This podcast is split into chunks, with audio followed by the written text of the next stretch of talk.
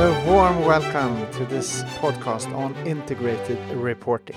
My name is Carl Eneroth. I am the online program director at IFL Executive Education and your host today for this co production with the Mistra Center for Sustainable Markets, MISUM for short, also placed within the walls of the Stockholm School of Economics. Integrated reporting, it does sound a bit dull, I agree, if all you see in front of you are documents and numbers. But what if integrated reporting is the missing link between corporate behavior on the one hand and investment decisions for a sustainable future on the other? What if integrated reporting lets companies communicate the sustainability issues that are of strategic relevance to them rather than report to meet a standard? Who to better answer these questions than Robert Eccles, Harvard professor in management practice, a capital market activist as he prefers to view himself, who has written four books on the topic after decades of research and now travels the world to spread the word, spending weeks in China when not teaching sustainability at MIT. So tell me, Robert, how can integrated reporting be this link between corporate behavior and sustainable investments? What is your take on this, Robert? So, integrated reporting is uh, an idea that was actually originated in management practice. The very first company to produce an integrated report was a Danish company called Novozymes. It was a chemical enzyme company.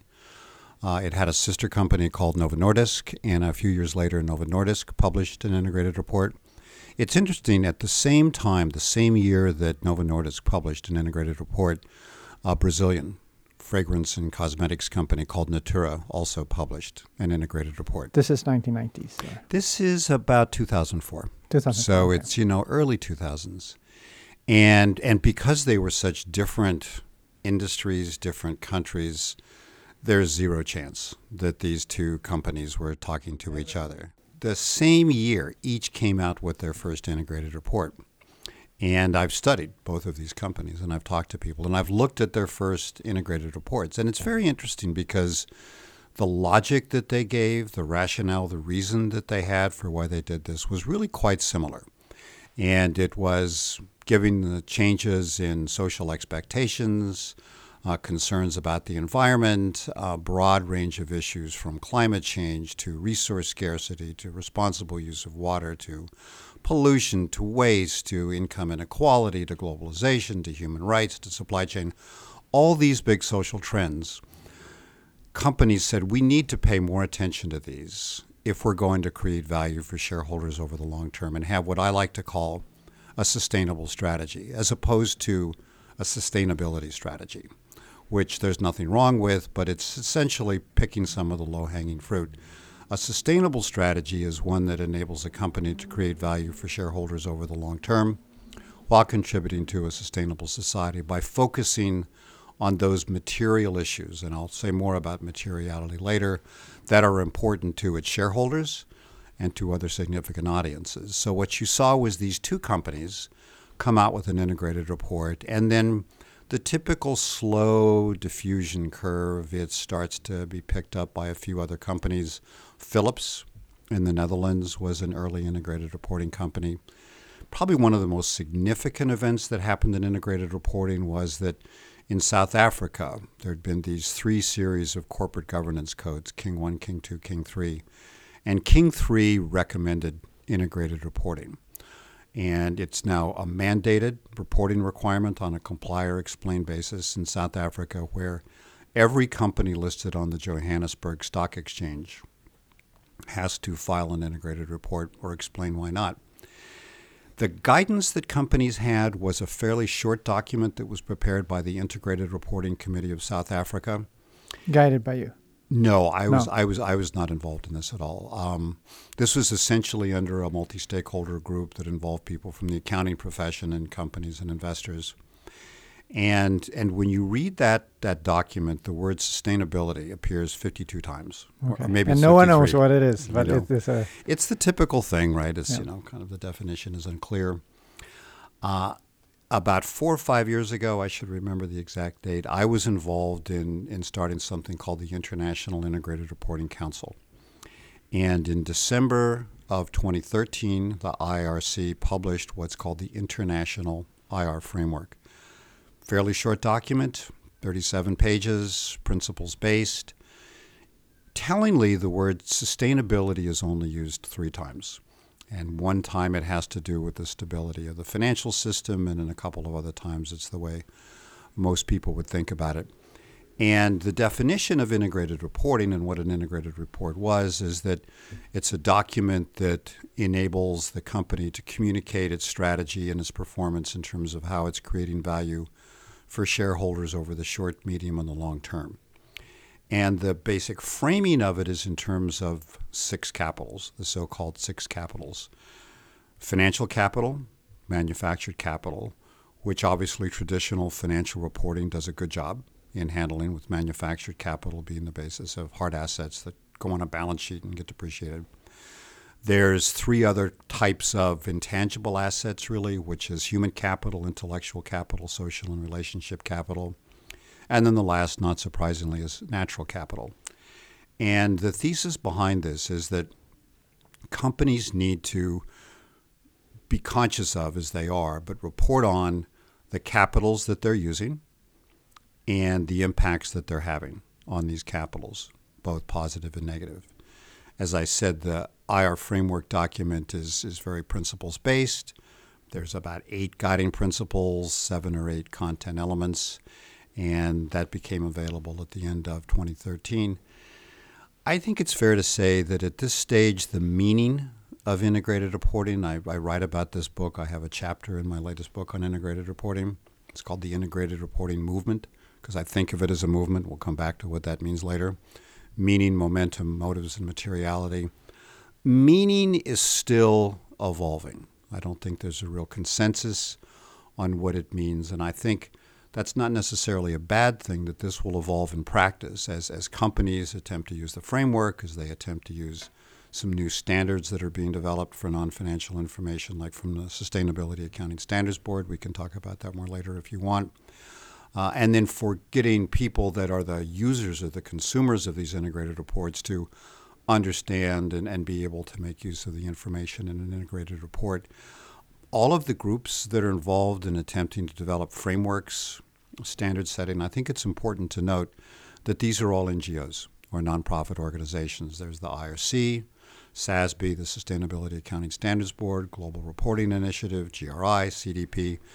these are all nonprofit organizations. And so, with this exception of South Africa, there really isn't the backing of the state uh, at this particular stage to say companies should be doing integrated reporting like they have to do financial reporting if they're a listed company, and then providing guidance on what that would mean. Ultimately, I think we need to get there, just like I think we needed to mandate financial reporting and have accounting standards. Uh, we should get there probably sooner rather than later. If regulation happened today, it probably would be a mistake in most countries because it would become a compliance tick the box exercise as opposed to being meaningful. And a key part, I think, of integrated reporting is that when people think about reporting, they tend to think about documents, official filing things. Integrated reporting is as much about what the IRC likes to call integrated thinking, where integrated reporting is a way of communicating the results of integrated thinking and really being the basis of a discipline and, and with, with integrated thinking here, you mean social, economic, and natural? Exactly. So, with integrated thinking, you're saying we need to understand how these capitals that we're using produce financial returns. And, and are we having a positive or a negative impact on these capitals in doing so? And recognizing that there's often trade offs and being transparent about them. You're listening to Robert Eccles talk about integrated reporting, the background, the history, and the framework. You mentioned a number of other reporting initiatives. What's so different with integrated reporting? The, the biggest question in terms of integrated reporting with other forms of corporate reporting, so financial reporting is pretty well defined. You know, there's a securities regulator in whatever country a company has to be located, and it'll set the criteria. The biggest question is what's the relationship between integrated reporting and sustainability reporting? A concern that people who are advocates of sustainability reporting have expressed is that integrated reporting will reduce the amount of information that a company will be reporting. Mm. And, and I think that that's simply not true. I think that sustainability and integrated reporting are completely complementary, and it's the difference between audiences. The audience thing is critical, and then that gets us to materiality. When you read the IR framework, the intended audience is providers of capital, could be both equity and debt, and basically other audiences who want a holistic view of a company's performance. The company will decide which audiences it thinks are most critical. There's this urban myth, or when you think about boards of directors and corporate governance, that they have to put that they have a fiduciary duty to put shareholders' interests first, and that that would be the basis of determining what's material for your corporate reporting. That's simply not true. The board represents the interests of the corporation as a legal entity over the long term, and in doing so, can take account of whatever audiences it deems to be most significant. Clearly, shareholders are significant. Depending upon the industry that a company is in, there can be other audiences that are also significant. That will frame its definition of materiality. That will determine what goes into the integrated report. That will be what the company deems to be the information that is important for its own management purposes, for its reporting purposes, to create value over the short, medium, and long term. That said, there are a variety of other stakeholders representing interests in civil society.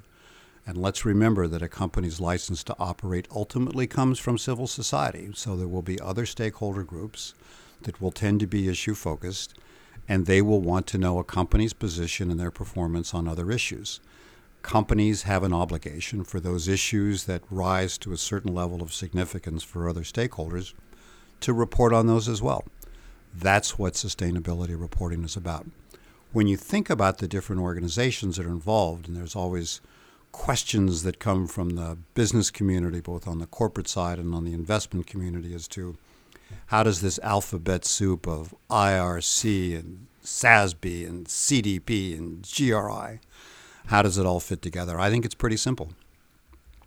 The IRC has established a overarching framework. As I mentioned, I was involved in starting this. We never intended to be a standard setter. Financial information, the standards will be whatever the form of GAAP is for the country that the company is located in. US GAAP, IFRS, Chinese GAAP. I think the Sustainability Accounting Standards Board, I can say more about them later, can provide the foundation for the non financial or environmental, social, and governance information that would go into the integrated report. Global Reporting Initiative, with their G4 guidelines, are the gold standard for sustainability reporting, which would go into the sustainability report. CDP are subject matter experts, originally in greenhouse gas emissions and now moving into forestry and water. Uh, SASB would use for a KPI key performance indicator. Uh, if it turns out to be material for a particular sector, if CDP has already established the way that that should be measured, that will be what gets factored into the SASB standards because we're not trying to recreate the wheel. Okay. So one could say that integrated reporting uh, deals with both uh, shareholders and stakeholders and try to integrate that into a it, report? It deals with a limited number of stakeholders. And, and this is where this notion of audience is important. So, one of the recommendations that we have in our book is that every year the board of directors publish what we call a statement of significant audiences and materiality, where it takes a very explicit position on audiences that it sees to be important. And that is the board's call. The board can say the only significant audience for us is short term shareholders because we know how to play the earnings game. The board can say shareholders and employees are our most significant audience. The board can say employees come before shareholders, that we will cut dividends before we will lay off employees. All of those are within the legal rights of directors to do. All I'm asking for is for companies to be explicit about what's happening implicitly anyway when they make these internal resource allocations and there's trade offs that have to be made. tell us who your significant audiences are. That will determine what's material. Certain environmental issues may rise to the level of materiality, certain social issues may not. That goes into the integrated report.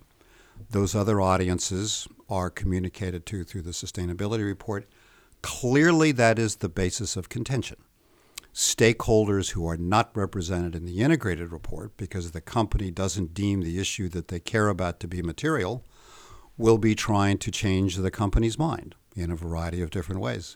Fair enough. As I said, a company's license to operate comes from civil society. The company may agree, the company may not agree. But at least what you have is clarity in terms of what the company stands for, is represented by its board, as reflected in its corporate reporting.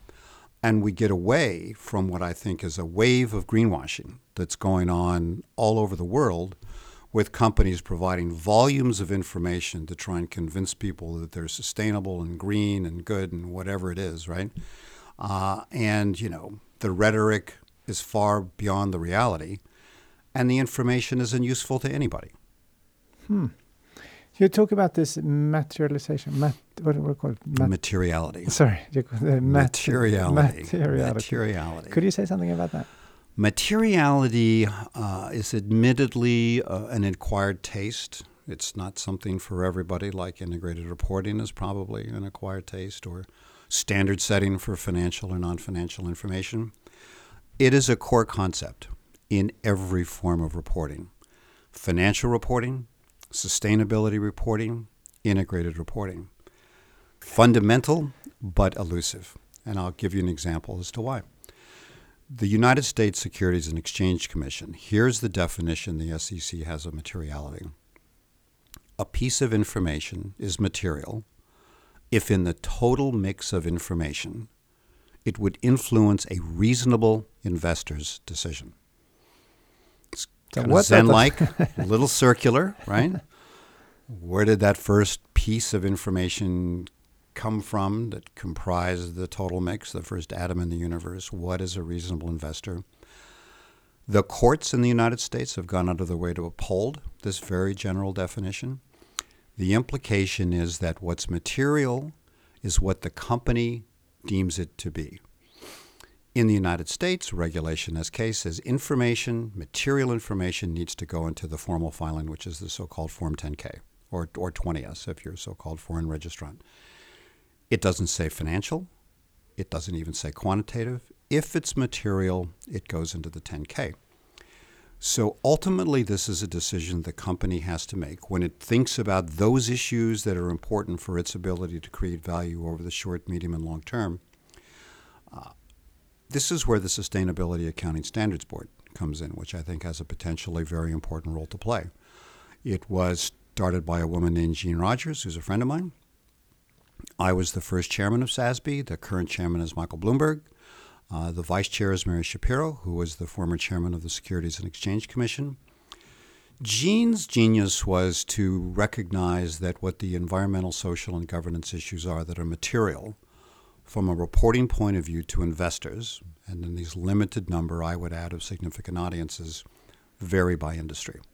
So, what we've done at SASB, and we're a nonprofit organization can go to our website, everything's transparent, is we've developed a 10 sector classification system that subdivides into 80 industries through a very disciplined process of industry working groups, a third of whom are from companies, a third from investors, a third from intermediaries, identify what we believe to be, based on evidence, it's not our opinion, based on evidence and expert input, uh, with economic analysis, those issues that are material for that industry. And not surprisingly, they're very different. If you look at healthcare, which was the first sector that we released, pharmaceuticals, biotech, pretty similar. Healthcare delivery, medical devices, quite different.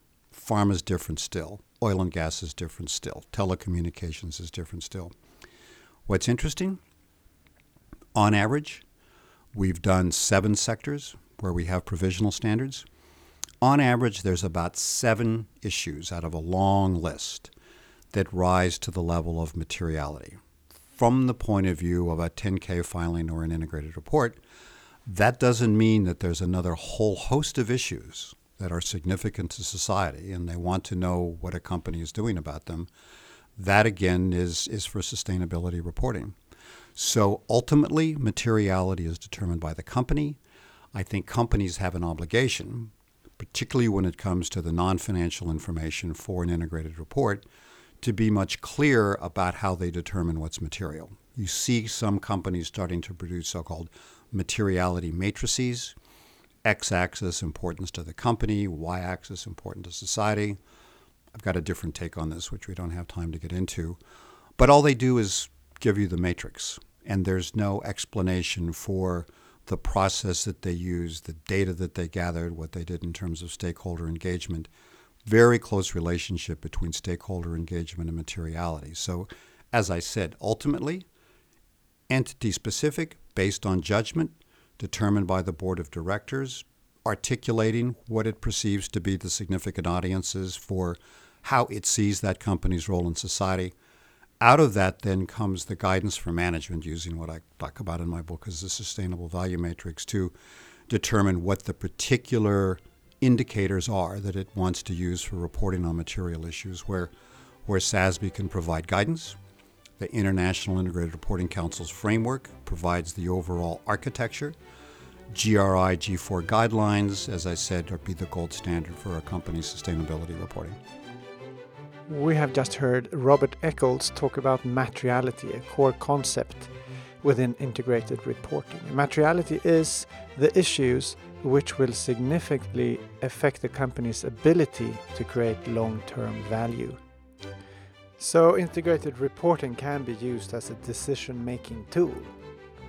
Oh, absolutely. Absolutely. Absolutely. So for both the executives and the board. So, could you give me an example of when it has been used and what kind of issues that were brought up and sort of when they decided to go left instead of right in a decision based on that tool? So I can't give you examples because I'd need to have been privy to meetings inside companies where they were having this discussion based upon an integrated report. What I can do is give you examples of companies that I think have produced good integrated reports and um, can draw your own conclusion in terms of what that's led to in terms of strategic decisions. SAP would be a good example, and I think they're on their maybe third integrated report. I've mentioned Natura and Novo Nordisk. So, can you see how, how they make a shift based on that new understanding? You can see what the um, hypothesis would be as to how they would make a shift based upon this new understanding, but could be like what? It could be that they are recognizing that there's going to be a trade off in terms of financial performance if they're going to be making an investment in some issue that will take a long time to produce a financial benefit around some environmental or social issue. Um, but I think the better answer, the more honest answer, is that um, at this stage, integrated reporting is mostly a bolt on exercise, and it's not something that's become deeply integrated and embedded in how a company operates. I mean, let's be clear. We're at the very early stages. The framework that the IRC produced was a year and a half ago. So 2014 was the first year that companies had for any official guidance.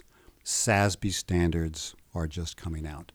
So the the hope and the expectation for integrated reporting, contributing to integrated thinking, taking a more holistic decision, I think is there. Whether that will happen remains to be seen. I wrote a case on Natura. As I said, they were one of the first companies to do an integrated report.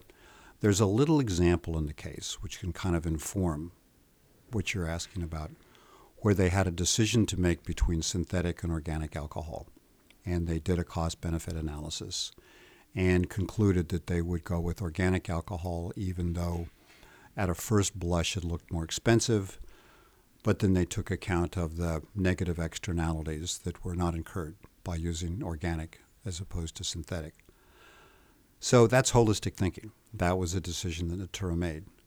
But it also shows that it was a complicated decision because some of these negative externalities that were not incurred, those were cost to Natura.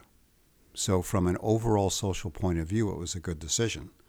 From a Natura point of view, was it a good decision? it's hard to tell. It could contribute to its brand. It could contribute to the perception that its consultants and its customers have. It's clearly seen as a very responsible company. But in the short term, Natura incurred greater costs. But because it was thinking in a holistic way, it was attempting to make sure that it had a complete picture when it was making those decisions. So uh, you mentioned here negative externalities, and that is something that uh, companies uh, tend to not include in their uh, cost-benefit analysis. Is that something that is shifting or changing? Is and why why is that so? Is that because of we're trained that way not to include it, or is it that we don't see the the part that companies play in the big society, or is it a way to make be more efficient by just sort of putting the boundaries on what I can influence and what what's what's your take on that? You know, it's a good question. I think there's a number of things that factor into it. Um, one of them is that historically companies just haven't done it because they haven't had to do it, and getting companies to change is always very hard. Uh, the finance functions of companies tend to be very good about following the rules on what they have to report. And there's nothing, for the most, there's nothing in accounting standards that requires companies to report on negative externalities. Um, specific legislation in certain industries, um, in certain countries, may require that. Um, but for the most part, it's not required.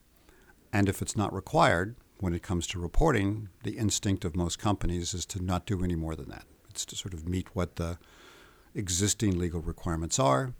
And then the reasons why they don't want to do more vary by country. In the U.S., what you'll hear a lot is litigation risk. If we're providing this information on these negative externalities that we're creating, somebody's going to come sue us, some NGO is going to come after us, um, but they're probably trying to look at that anyway. So there's just historically that hasn't been done uh, because it hasn't been required. Uh, it's difficult to measure these things. And it's very difficult to measure these things. This is one of the reasons that people want a price on carbon. Now, you do see companies more and more through the work of CDP reporting on a voluntary basis on their greenhouse gas emissions. What the impact of that is, um, unclear. Right? Um, if there was a carbon tax, people would say, okay, now there's some economic incentives to reduce these negative externalities. So there's a question around just companies have traditionally done. There's a question on how you would measure this, and there's a difference between outcomes and impacts. There's the question about do you need to price negative externalities before it's going to influence internal decisions? And, and I think the last, and, and maybe in some ways the most fundamental one, which is what you alluded to, is what is the perception that companies have about their role in society?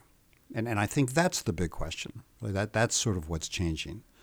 Uh, and I think we're sort of slowly starting to move out of a paradigm where it's shareholders first. And as I said, there's this now urban myth that really comes out of you know financial economics and agency theory that the board has this fiduciary duty to put shareholders' interests first, and that's not true.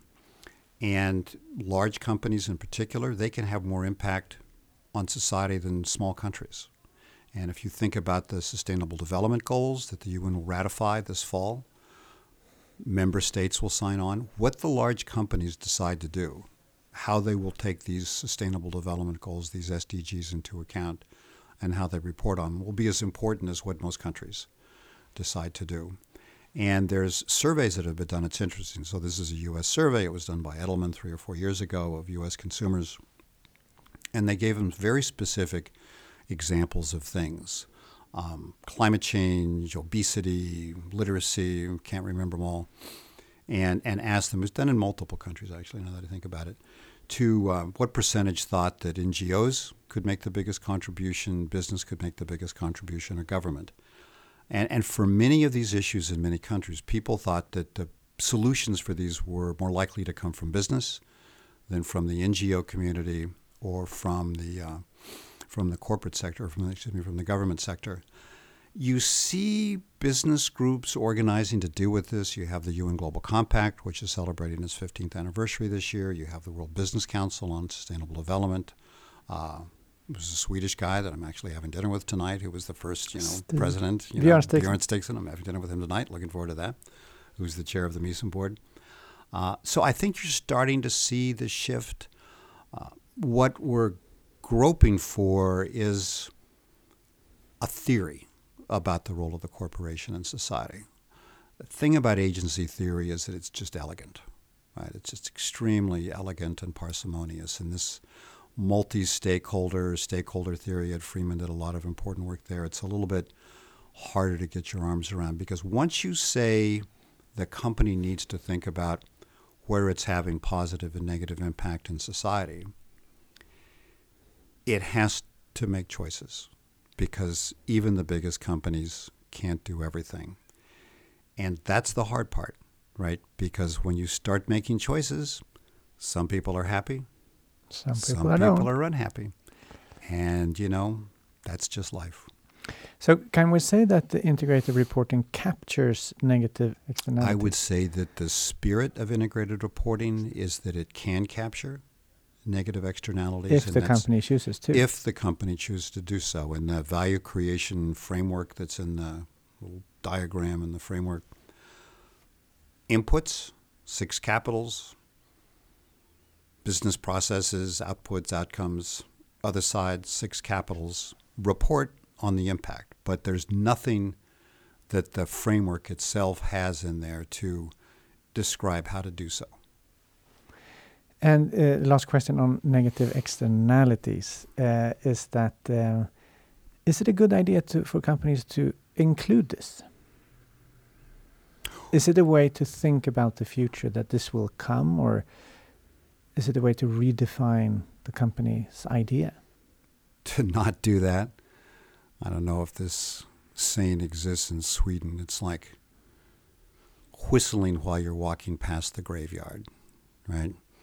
Um, if it's a negative externality, the time will come when pressure will be put upon a company to deal with it. I mean, that's the thing we can clearly see over the past 30 or 40 years. Yeah, And I'm thinking here of beyond. And when the, and when you think of the environmental leg- future, absolutely, and and also to think about the positive externalities because either competitive pressures or regulatory pressures or pressures from civil society will force companies to address those issues.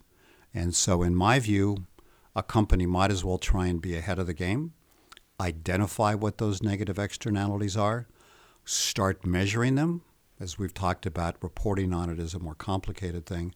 At least be measuring it for its own purposes, for management purposes and the board's purposes, so it knows how big of a problem it has. Because if you weren't measuring it, you don't know.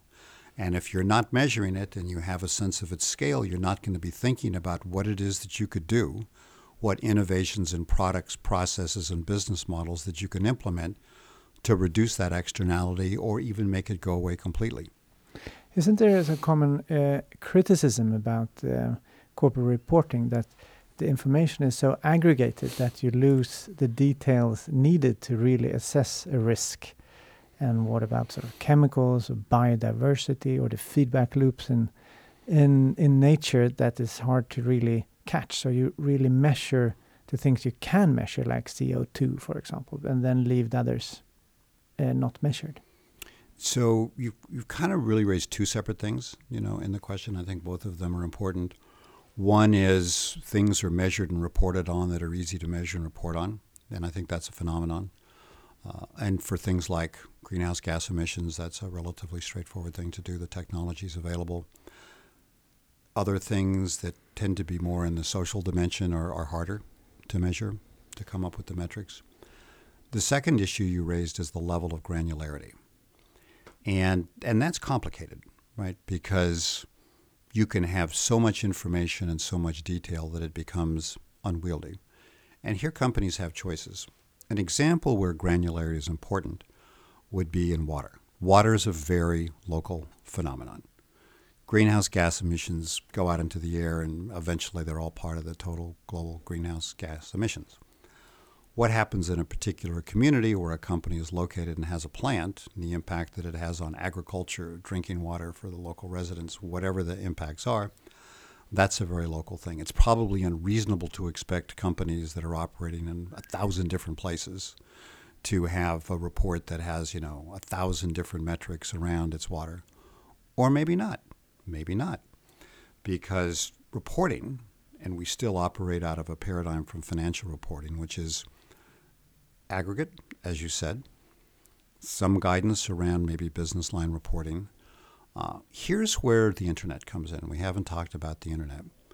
Uh, as I did say, when people talk about reporting, they tend to think about documents, PDFs, electronic paper, unwieldy, linear.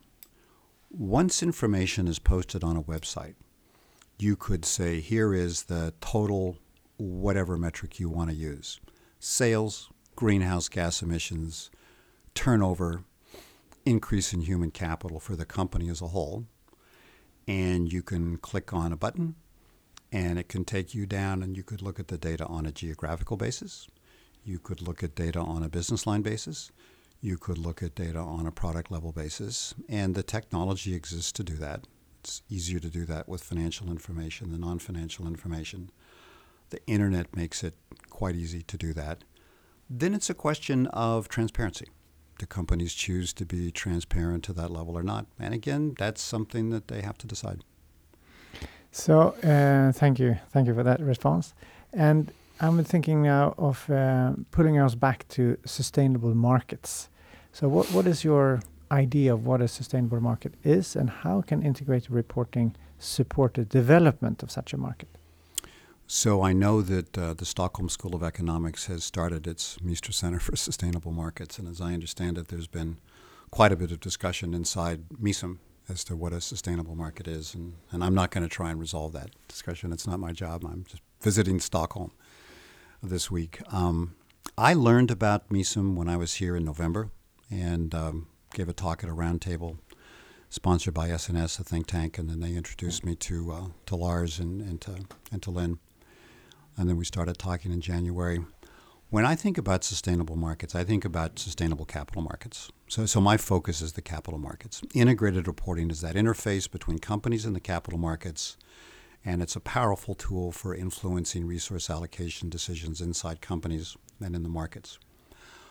For me, sustainable markets are those that incorporate all relevant information, and we've talked about materiality and how that varies by sector, that companies are measuring and reporting on that information, and we've mostly focuses on what the challenges are for doing that. To be honest, companies are making more progress in measuring and reporting than the investment community is making in knowing what to do with that information, or even caring about that information, or even paying attention to that information, so that the logic on the investor side is still very much kind of financially driven, relatively short term and at the very early stages of trying to make investment decisions that recognize the importance when you take a long enough term view, and I'll come back to the time frame in a moment, of how well a company is managing environmental, social, and governance issues that are material in its sector and for its strategy. You see more negative screening going on. You see the investment community looking at this from a risk perspective you see very little evidence that the investment community is thinking about it from an opportunity perspective, that those companies that are managing the material ESG issues better will perform better over time. Uh, I've actually done research on this with George Serafeim at Harvard Business School, Ioannis Ioannou at London Business School, and, and the evidence is, is pretty clear. Uh, and it's also clear that it's a fairly long time frame. Companies complain about the short term focus of the capital markets that all they care about is quarterly earnings. Companies reinforce that by giving quarterly earnings guidance. They don't have to do that. Uh, investors will say they would like to take a longer term view if they're asset managers, but the mandates that they're getting from the asset owners are relatively short term and they're benchmarked against a peer set of asset managers. And so they're feeling pressure to deliver short term returns to the asset owners, and so they're putting pressure on the companies to make sure that they're delivering short term returns for them. And then you go to the asset owners, and if they're pension funds, they'll say, well, we're constrained because we're evaluated by the government on an annual basis. And they're going to determine, you know, what they think of us and what our budget is, and maybe whether I'm going to keep my job or not based upon what the returns were that we achieved in this period of time. The Canadian Pension Plan Investment Board, which is the I think now the sixth or seventh largest pension fund in the world. Last I knew, it had 200 billion dollars U.S. dollars in assets. Has been working with McKinsey on the study of long-termism. And it's a complicated question because when you look at the system level dynamics of the capital markets, um, there's all kinds of different players operating under a number of different constraints. And so I think if I had to say, what is my vision for sustainable capital markets, it would be capital markets, as I said, where the non financial information that's material for a company, produced in an integrated report, supplemented by a sustainability report, is produced by the company. It affects internal management decisions by the board and the executives, is used in the markets, and it affects their resource allocation decisions. Uh, doing that over a long enough term time frame that it makes a difference. Uh, one of the key barriers to this, and this is prosaic, I mean, integrated reporting is a little prosaic, and materiality is a little prosaic. Uh, standards for non financial information is a little prosaic. It's like plumbing, it's the social infrastructure that you need. Think about this we take accounting standards for granted we take financial reporting requirements for granted by listed companies. Guess what? That hasn't always been true. In the United States, prior to the formation of the SEC, which was a consequence of the Great Depression, there was a gazillion accounting firms. There wasn't the big four. There was the little 64, whatever they were. Every one of those firms had their own accounting standards. They all had their own auditing standards. You couldn't compare apples to apples revenue recognition policies by accounting firm A weren't the same as the revenue recognition policies by accounting firm B. Listed companies weren't required to report information. Many did so on a voluntary basis. They tended to report more balance sheet information than income statement information. Many of them didn't report revenues because they thought reporting their revenues was going to put them at a competitive disadvantage vis a vis their competitors. The state comes along said to protect investors, we need to have accounting standards, reporting requirements. And this is the mid 1900s, right? This is 1933 34 yeah. when that happened. We wouldn't have the capital markets that we have today without accounting standards and reporting requirements. Not sexy stuff, really important stuff. It's like water, you need it or you die. I don't think we'll have the capital markets for today that we need for the society we want to have tomorrow from the point of view of sustainable development without integrated reporting and all that infrastructure that you need to back it up. Standards, ultimately reporting requirements, and then having both companies and investors knowing how to use that information and incorporating those that information into the decisions that they make. Uh, what's exciting to me about what's going on here at the Stockholm School of Economics with MISUM is that I think that there's a uh, there's a huge opportunity to look at what would be involved in creating sustainable markets. And as I said, my focus is capital markets. I like to think of myself as a as a capital market activist. It may sound a little bit like an oxymoron, but um, but I'm a capital markets activist. Um, because I am a child of the 60s and I did used to have my hair in a ponytail and I had a beard and I have a beard now, which is great. Um, so here's here's something to think about. We're listening to Robert Eccles talk about integrated reporting, what it is and what is not, materiality, the concept of uh, identifying relevant issues for the company, negative externalities, how the company can use that to redefine its purpose, and now we're into sustainable markets. How can we make that happen? Uh, when I was thinking about uh, my trip over here last week when I was back in Boston. Uh, I've been a visiting lecturer at MIT this year, teaching some courses on sustainability. MIT's uh, kind of big thing is so called action learning. So, Harvard Business School does case methods, right? MIT has these action labs. And I supervise some student teams where they have a little project with a company around some sustainability issue. It was a lot of fun. So, I had this idea of the Sweden Sustainable Markets Action Lab, right? Great. Sweden is interesting to me. Um, big enough to be complicated and have all the piece parts that you need for sustainable markets. Large, sophisticated companies, many very global because they have to be because it's a small country, so they need to be in the global markets. Uh, big, sophisticated investors, strong family groups, strong labor unions, active civil society, active media, generally pretty progressive from a social point of view in terms of uh, sustainability and sustainable development. So the idea would be, and this is something that I think would fit very, uh, very nicely under the under the mission of MISUM, is to convene the representatives of the relevant actors, companies, investors, trade associations, and so forth, to come up with a blueprint, a framework, you know, whatever it is, of here's here's what it would take for Sweden to have sustainable markets, sustainable capital markets, and ideally, this would be a public commitment. It's easy for me to say; I don't have to do it. You know, somebody else has to do it. That there's a public commitment that the Stockholm School of Economics is going to take a leadership role in convening the Sweden Sustainable Markets Action Lab, and that the world is watching because you're going to tell people that you're doing this. And that's always good because if people know, then that means you have to deliver on something. And uh, will it be perfect? Of course, it won't be perfect. Will it translate to other countries completely? Well, of course it won't. It's not going to translate to the US completely. It's not going to translate to China completely. It may not even transfer to Denmark, for all I know. Doesn't matter. If one country has done this and they have created their vision for what sustainable capital markets would be. And, and Sweden is very embedded in global society. It has to be. Your big companies, as I said, they have to do business overseas. Your AP pension funds, they have to invest in, you know, companies in all the different markets of the world because they're so big. Uh, it would be a story. People are looking for stories. People are looking for examples. You were asking me for examples earlier from companies in integrated reporting.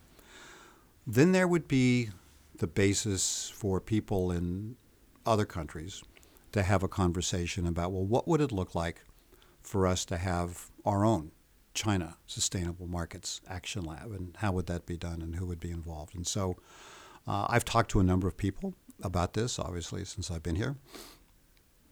You know, I'm American, so I'm not quite as shy and polite as the Swedes seem to be. Uh, so I haven't uh, been bashful about pitching this pretty aggressively without giving people too much time to get to know me. And I must say that the reaction has been pretty positive, right? I mean, people think it's an interesting idea, but there's a big step from an interesting idea to how you make something happen. But um, so let, us say that uh, this does come yep. into play. How could then your action lab at MIT use integrated reporting to support this initiative? So the, the, there's no really action lab at MIT.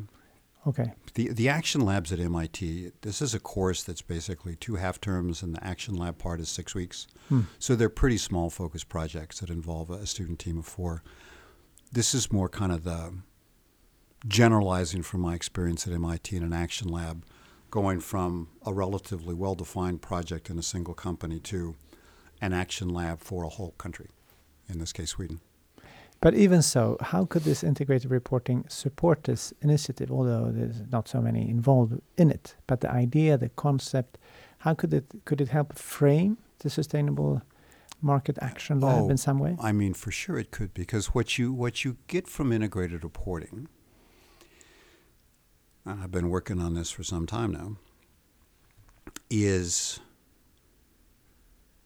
it raises, if not all, it raises most of what the issues are that are constraints on the full promise of what integrated reporting can do. Like it, raise, it raises issues of standards. It raises issues of fiduciary duty, fiduciary duty on both the corporate side and on the investor side. Can pension fund trustees uh, allow or permit or encourage the fund to take sustainability factors into account, or should they simply be focused on the financial returns over a fairly short term basis? It gets into reporting requirements.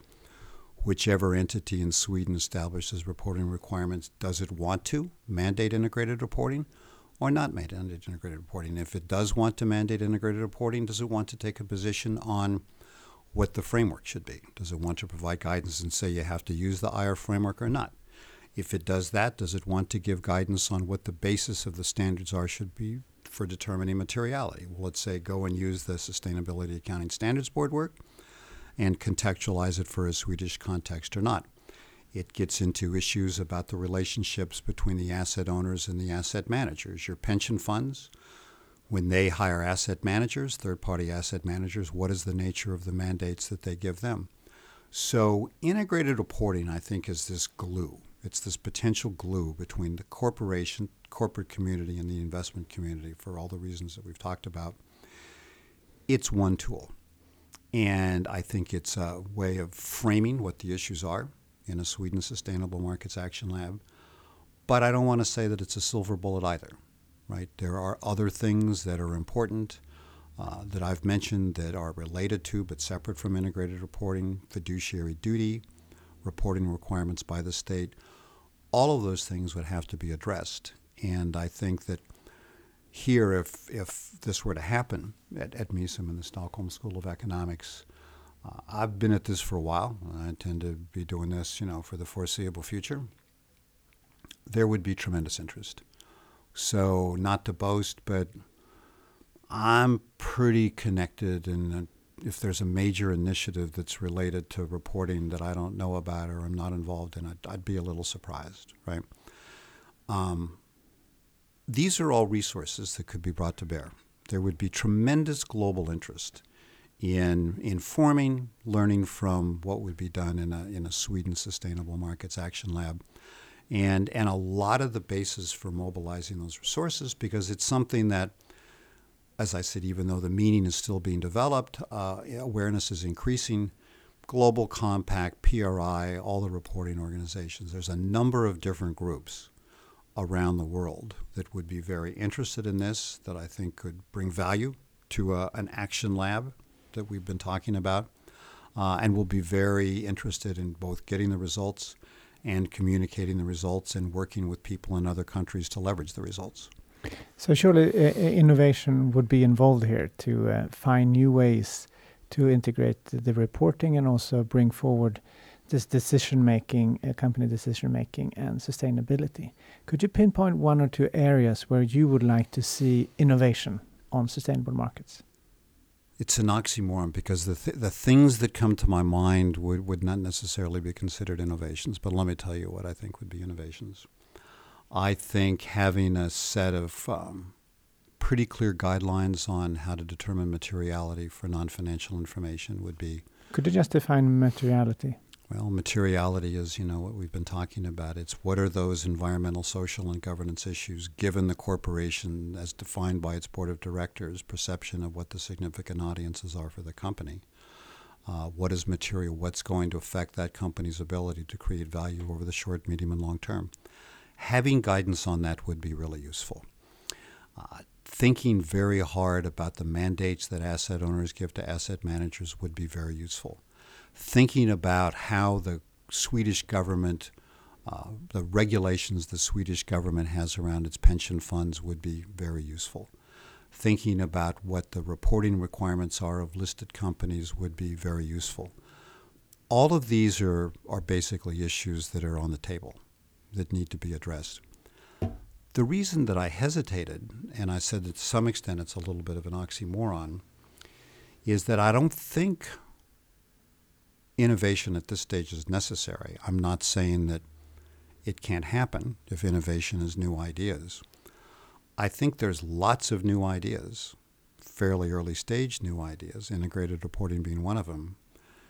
It's not the innovation that's the challenge, it's the implementation that's the challenge. So let's f- see if we can find a situation, and I'm targeting Sweden right now, where here's all these ideas floating around out there, some connected, some a little bit disconnected. Uh, what would it take to put these into practice? What would it take to put these into practice? And one of the challenges is that because it's a system level phenomenon, no one actor can change all the different rules of the game as it's established today. So you get this finger pointing going on, and everybody's waiting for somebody else to act. companies are waiting for investors to start asking for integrated reporting. Investors are waiting companies for waiting for companies to provide decent integrated reports that they can use. That's why you need to build a consensus. You know, that's why this needs to be a convening that's you know hosted by a independent third party, and that's why I think the Stockholm School of Economics would be in a good position to do it. Sweden's a place that's pretty good at consensus, right? Um, sure. There's things about Swedish society that are positive. The Stockholm School of Economics is in a privileged position in terms of Swedish society, both the educational system and in general. Um, no disrespect to the residents of Gothenburg and other places. I don't want to make enemies in other parts of Sweden. But the game is played in Stockholm, right? The game is, is played in Stockholm. And so, and, and everybody's represented here. And I think if we could get that convening, and it was under the leadership of uh, the Stockholm School of Economics, Mistra Center for Sustainable Markets, there would be the opportunity to address this issue of okay, there's innovations, what will it take to put these innovations into practice so we can try them, test them? Do they have the benefits that their proponents claim? Uh, don't they? You know, what needs to be changed? Until we start trying to do this for real, people like me writing books, doing podcasts like this with you, maybe it's interesting to some people, maybe it's not interesting to most people given the topic we've been talking about. We won't know. We won't know. We need to do things. We need to move from words to deeds, as they say. And as I said, right now, I'm sitting here on Wednesday afternoon. I'm pretty optimistic about the possibilities in Sweden, and I've got two more days here, and I'm just going to keep pitching it. Great. Great, thank you. I think that sums up the uh, the ideas that we've been talking about here, and the idea of a, a sustainable market action lab with the integrated reporting as one part or uh, uh, important part of that could be a really promising future we could look forward to. Hope so. So thank you very much, uh, Robert, for uh, giving your time here and your insights. And uh, my name is Carl Eneroth. I'm an online program director here at IFL Executive Education. And if you want to l- listen to more of the podcast, please surf in at uh, www.ifl.se/inspiration. Thank you, Robert, for coming. Thank you for your time.